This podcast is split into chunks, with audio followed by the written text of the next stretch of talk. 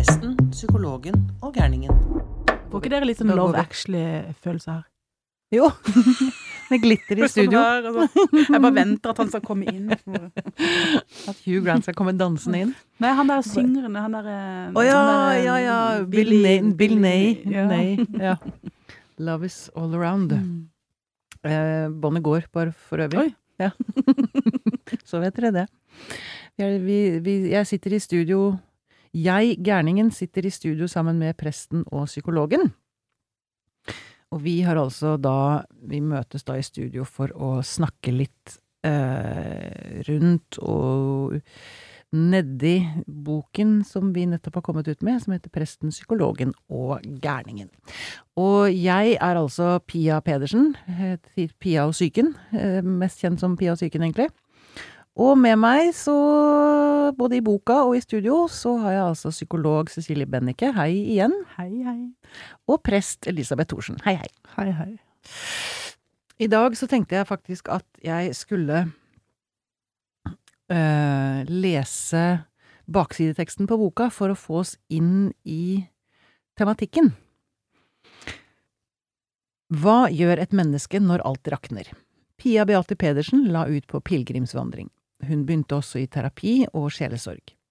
Som journalist er Pia kjent for sin nysgjerrighet og mot til å kikke bak maskene, også sin egen. I denne boken insisterer hun på å kalle seg gærning. Hun utfordrer sin tidligere psykolog Cecilie Benneke og prest, eh, og prest Elisabeth Thorsen til å skrive ut ifra sine roller, men også søke bakenfor. Kanskje gærningen finnes i oss alle? Forfatterne bruker erfaringer fra sine egne liv, ikke for å blottlegge det private, men for å belyse det allmenne. Ut fra ulike erfaringer og synsvinkler utforsker de livets store spørsmål. Felles for alle tre er at de ikke er redde for å lodde dypt når de søker svar. Så vet jeg ikke, jeg, eh, mine kjære medforfattere, om vi eh, Vi kommer vel ikke med noen svar i denne boka? Vi leiter, men vi kommer nok ikke Ikke noe sånn Sånn er det. Ikke noen klare jeg ikke. svar, nei. det gjør vi ikke. Ikke noen klare svar med to-tre streker under. Um, jeg, jeg sa jo i forrige episode at jeg hadde lyst til å snakke litt nærmere om noen av disse overskriftene, for vi har da Boken består av en del brev som vi har sendt til hverandre gjennom de siste årene. Uh, hvor jeg vel i utgangspunktet forteller fra mitt liv, og stiller en del spørsmål som jeg har båret med meg lenge, da til disse to menneskene som jeg har fått mye hjelp av opp igjennom, både i private samtaler, men også takket være disse brevene, og Mm. altså svarene dere kom med, da. Men å høre med, vi kan begynne med å snakke om hvilket ord, hvilken overskrift, syns dere var um, finest å skrive om? Hva, hva Hvilket ord gjorde ja, hva Gjorde mest inntrykk, eller var vanskeligst, eller hva Altså Hvis dere skulle løfte, hvis vi skulle begynne med ett ord Hvilket er det første dere kom på av de tolv? Utenforskap. Utenforskap. Første. Mm. Mm. Men også fordi jeg tenker at utenforskap er en slags Kanskje det bare er mitt hode, da, men det er en slags rød tråd, ikke sant, i boka. Eller det, jeg syns vi ofte er innom utenforskap, enten som en realitet eller en følelse gjennom kapitlene. Men det er jo ett kapittel som heter utenforskap. Mm. Eh, Men den, og det setter vel også en litt tone i kapitlet. Men det kan være at det var det også det kapitlet som var mest utfordrende for meg, for det der er mest personlig. Mm. Um, men det er det jeg, jeg tenker egentlig at vi har skrevet en bok uh, hvor, hvor vi snakker ganske mye om utenforskap. Ja. Gjør dere det? Eller? Eh, Kanskje det er bare meg? Ja, jeg òg. ja, ja. det, det var jo det første Mm. uh, jeg skrev. Mm. Uh, og det første er jo det første kapittelet i boka. Mm. Og uh, kanskje det som er um, Hva skal jeg si det, det Ikke det ærligste, men det såreste. Jeg, jeg tror kanskje utenforskap det er noe av det såreste jeg vet. Mm.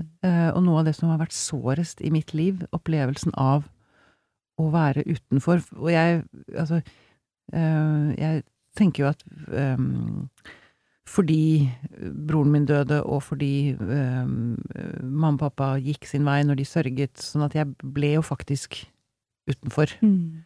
Alene. Mm. Alene. Mm. Jeg mista Jeg ble liksom utenfor familien. Altså broren min forsvant, og mamma og pappa forsvant, og så flyttet vi Mm. flere ganger. Så det, det var så mange ganger jeg sto utenfor og forsøkte å komme inn. Mm. Og jeg lurer på om jeg fortsatt på en eller annen måte forsøker å komme inn. Mm. Og jeg lurer på om det er Altså, det om, Altså, vi, vi, vi, vi har jo mange, Det er mange som sier det, at altså, mennesket er jo alene. Mm. Vi er jo til syvende og sist alene. Vi blir født alene, og vi dør alene. Selv om det sitter noen og holder hånda vår når vi dør, Mm. så dør vi. Vi går inn i døden alene. Men vi klarer ikke å leve alene. Nei.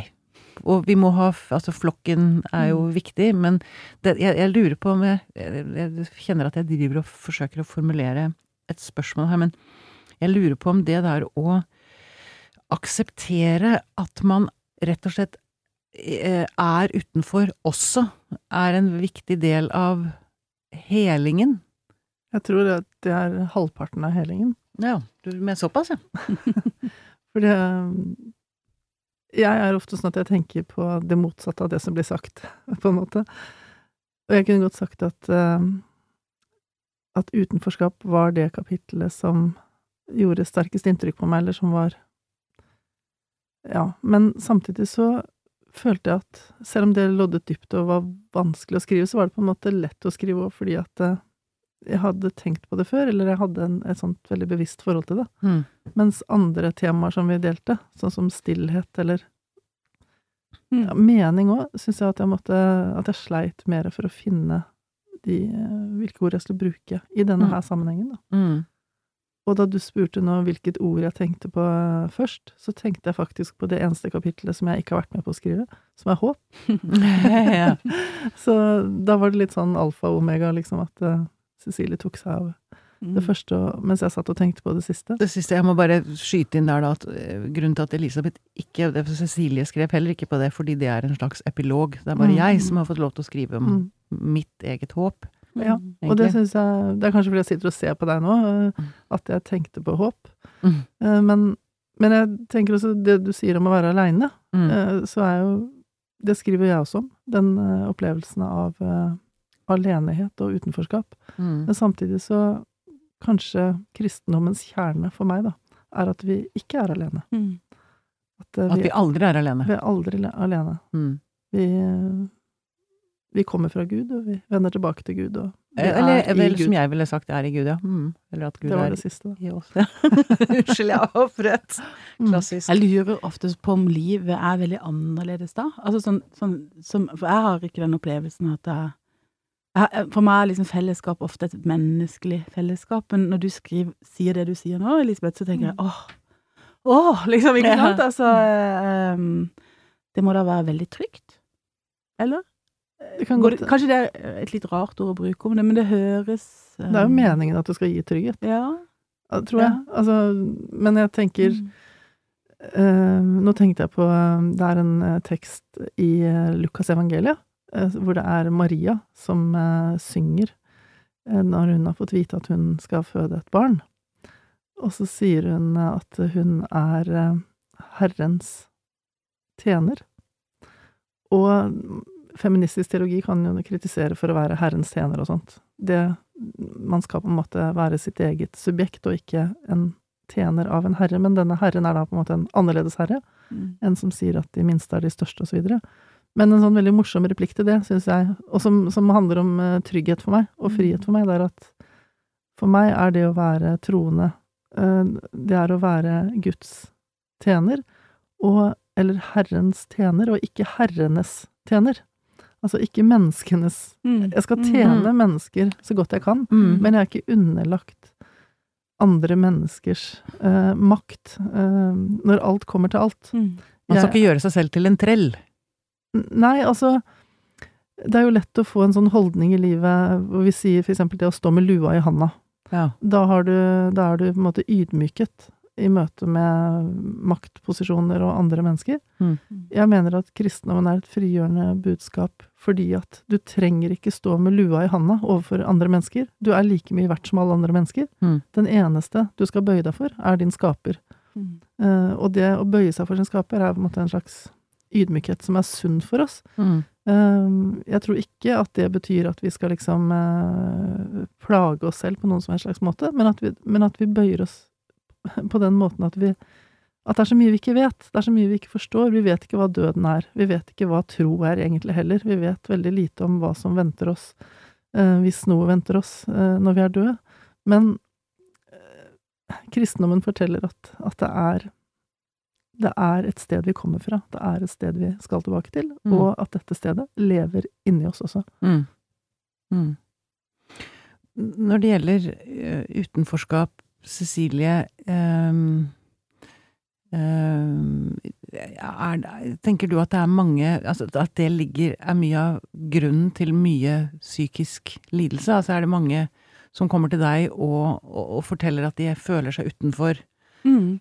Og jeg, jeg pleier å skille mellom det som en, en, en opplevelse, ikke sant, at jeg, jeg opplever meg utenfor, og så er det jo Mm. noen ganger man faktisk er utenfor, altså Mm. blir holdt utenfor, trykt ned, eh, ikke blir, blir behandla godt. Mm. Um, jeg tenker at en del eh, fattige har god grunn til å føle seg utenfor, altså som, Mm. som nedtrykt. Sånn at, men det er også en, en følelse av å som, som kanskje blir sittende gjennom livet, ikke sant, og, og at det er noe med meg. Altså det er en sånn type, nesten en skamfølelse, vil jeg tenke, da. En, Mm. en sak, det er noe som hefter med meg, jeg er ikke verdt å elske, eller andre blir ikke begeistra for meg, eller jeg greier liksom ikke å Ja.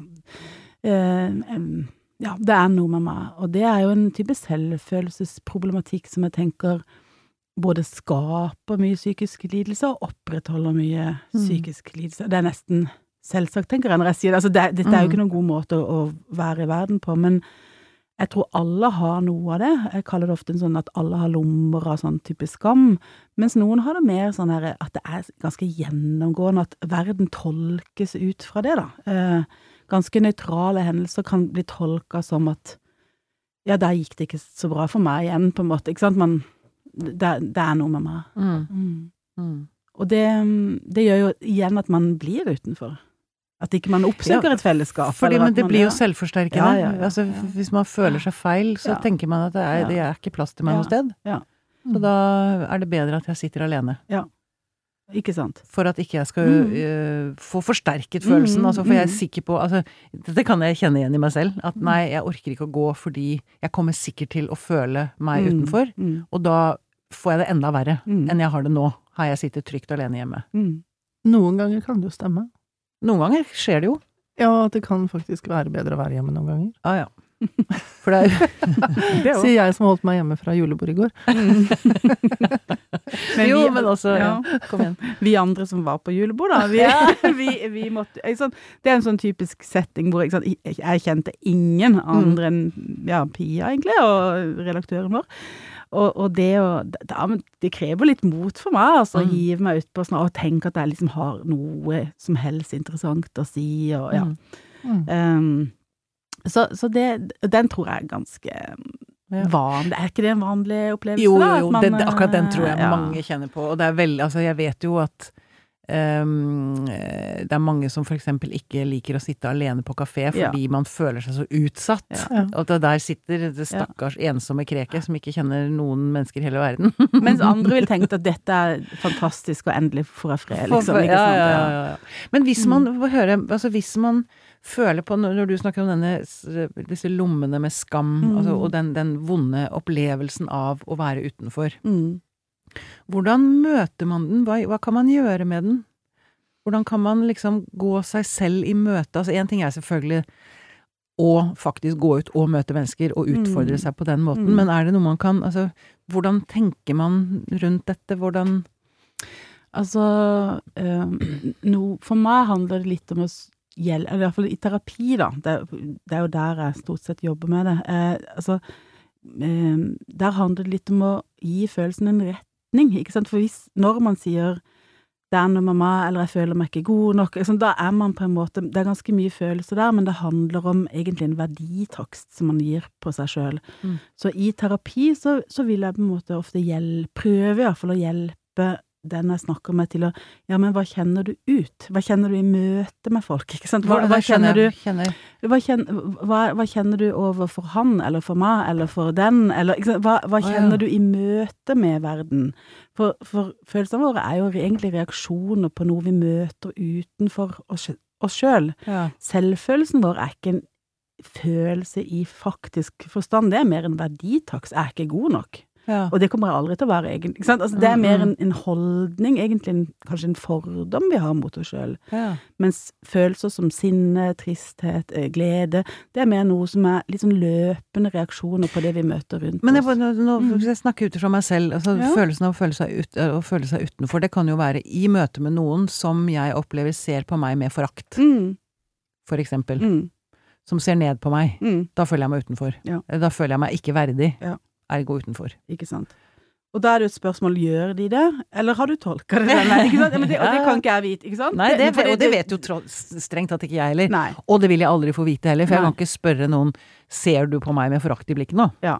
Det, Nei, Veldig men mange som svarer ærlig på det. Men hvis man ofte føler det, Mm. så er det jo kanskje en grunn til å tenke at, at man tolker noe inn i en, rett, inn, inn i en viss retning. Fordi Mm. at, det, at man av og til blir møtt med forakt, det, det er helt Det gjør vi, alle sammen, ikke sant? Eller man blir sett ned på, eller sånn. Men hvis, hvis egentlig ganske nøytrale episoder ofte tolkes sånn, så kan man jo tenke oi, er det noe som jeg leser inn i situasjonen? Litt som et sånn åpent spørsmål. Det er ikke sikkert vi greier å få to streker under det svaret heller, tenker jeg. Men, men, men øh, Og da vil jeg jo, hvis det var noen jeg snakka med, da, prøve å si ja, ok, hva, hva Prøve å liksom se litt mer på den situasjonen. Um, hva, hva kjenner du for han, da? Eller hva, ikke sant? Altså prøve å utforske det. Eh, at ikke vi bare låser oss i det der foraktens blikk, da. Mm, mm.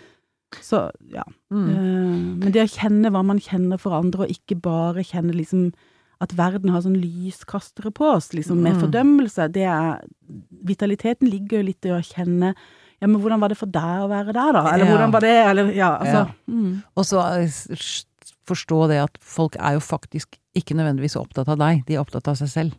Og sine egne vonde følelser og sin egen Og veldig ofte når noen ser foraktfulle ut, så er de jo kanskje bare trøtte. Altså, det, det er faktisk ikke sant. Og, men i terapirommet så tenker jeg at det er jo en helt sånn, holdt på å si genial, men altså, det er jo en fantastisk ramme, fordi det, da skjer det jo i terapirommet òg. Da vil jo noen tenke at jeg som psykolog er foraktfull, og så kan vi undersøke det. Fordi når jeg ser opp sånn, så kanskje det tolkes den veien, eller Mm. hvis jeg ikke Hvis jeg må avlyse en time, så kanskje det tolkes som at ikke folk er viktige, ikke sant? Altså, Mm. og da, kan, da får vi så masse muligheter for å se, ja, men, men, men liksom prøve å se litt på situasjonen, da. Eh, kanskje det kan tolkes en annen vei, eller kanskje det ikke må tolkes i det hele tatt. Kanskje det bare var en eh, At jeg var syk, for eksempel, ikke sant? Ja, ja. Og der eh, får vi masse muligheter til å røske opp i sånne Ja. selvfølelsesproblematikk, da. Ja, nå husker jeg ikke faktisk, Elisabeth, om jeg eh, kom til deg i sjelesorg, eller i samtalene vi hadde, og, og sa at jeg følte meg utenfor. Og det er egentlig ikke så viktig, men når Det er vel sikkert noen som gjør det, som kommer til deg og forteller om en smertefull utenforskap. Hvordan, hvordan møter kirken det? Altså Hva har du å by på, liksom? Sitter du nå og skal svare som kirka sjæl? Nei, eller hvilke tanker gjør du deg når du hører Cecilie og Det, men jeg, jeg, det var veldig fint og interessant å høre på Cecilie. Og, um, men jeg lurer på om kanskje utenforskap er en følelse som dukker opp når man snakker om andre ting. Altså at eh, hvis, I hvert fall hvis man kommer til en prest for å snakke om eh, tro eller sorg, som er veldig vanlig, så kommer kanskje um, temaet utenforskap inn etter hvert. Fordi hvis man er i en krevende sorgprosess, Mm. så tror jeg utenforskap hører sammen med den prosessen. Fordi at man blir litt eh, annerledes enn det man var før. Folk kjenner deg kanskje ikke helt igjen. Man reagerer annerledes enn det man gjorde før.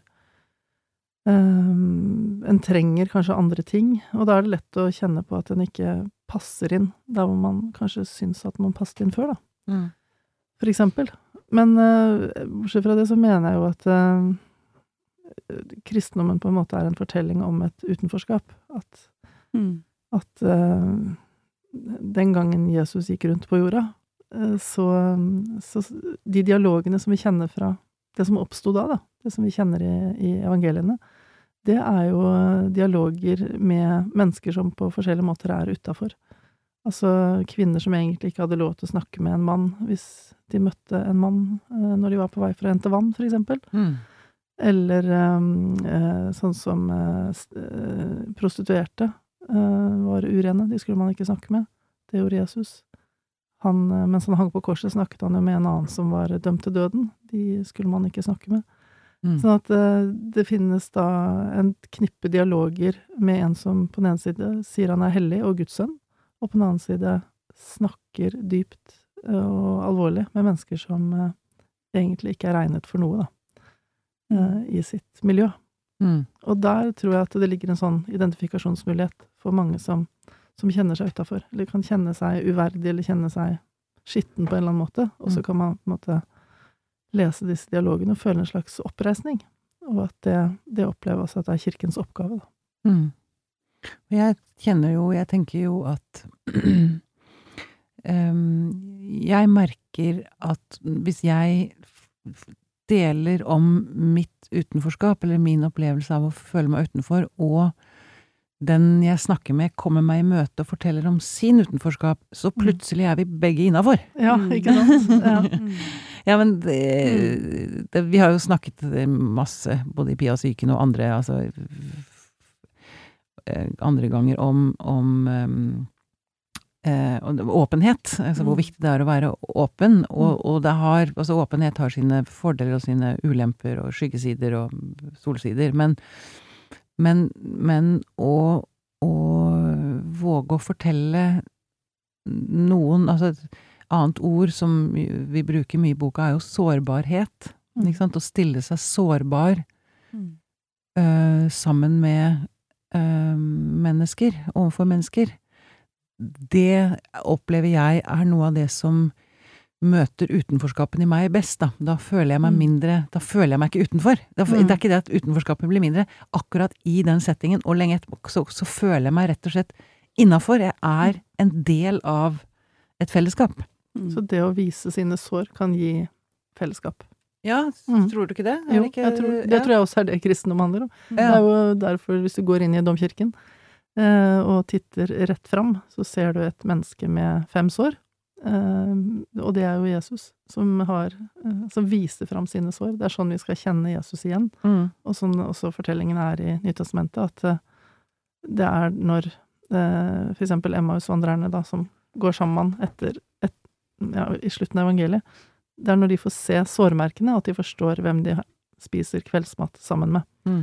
Eh, Sånn at eh, det å vise eh, sårene gir menneskelig fellesskap, og, og verdighet, faktisk, da. Og Mm. det, det ligger jo en mystikk i dette her som er egentlig veldig dyp, da, tenker jeg. Som er, Men, mm. men er det ikke også sånn at ordet så stigmatisering kommer fra Mm. stigma, stigmata? Altså Mm. det betyr også disse sårene? Ja, altså et, et stigma er jo et sår. Ikke sant? Et Mm. sår. Så, Mm. så, Så når vi snakker om stigmatisering ja, ja, Men det, det vi legger i stigmatisering er jo noe av det verste. ja. Eh, men da sier vi ikke da indirekte at det mennesket er bare såret sitt? Mm. Bare såret sitt. Bare såret. Mm. ikke sant? Det er såret som er som definerer deg. Noen mennesker har sår, og andre har ikke. Og Nei, vi er heldigvis ikke sant? Vi står på vi- vi er- riktig side, på en måte. Ikke Vi er? Og helt og, hele og jeg tenker rene, vi. være- Ja. Mm. Mm. Jeg tenker at alle mennesker har sår, da. Det var det Ja. jeg mente nå. Altså. Ja. Men at når vi stigmatiserer, så, så står vi på en måte på riktig side, da, i gås, Mm. gåstegn. Altså, eh, Så egentlig da, når jeg kaller meg gærning, så det jeg gjør er egentlig å vise frem såret mitt. Det tenker jeg.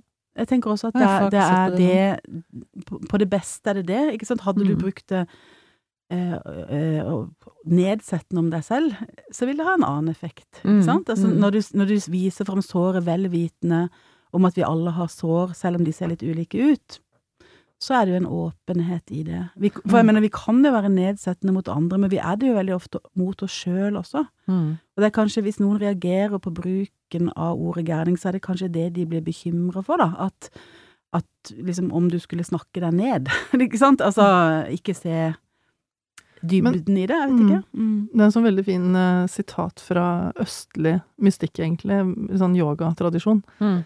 Som handler om at eh, fortsett å fokusere på det såre stedet, eller det sårede stedet, Mm. fordi det er derfra helingen skal komme.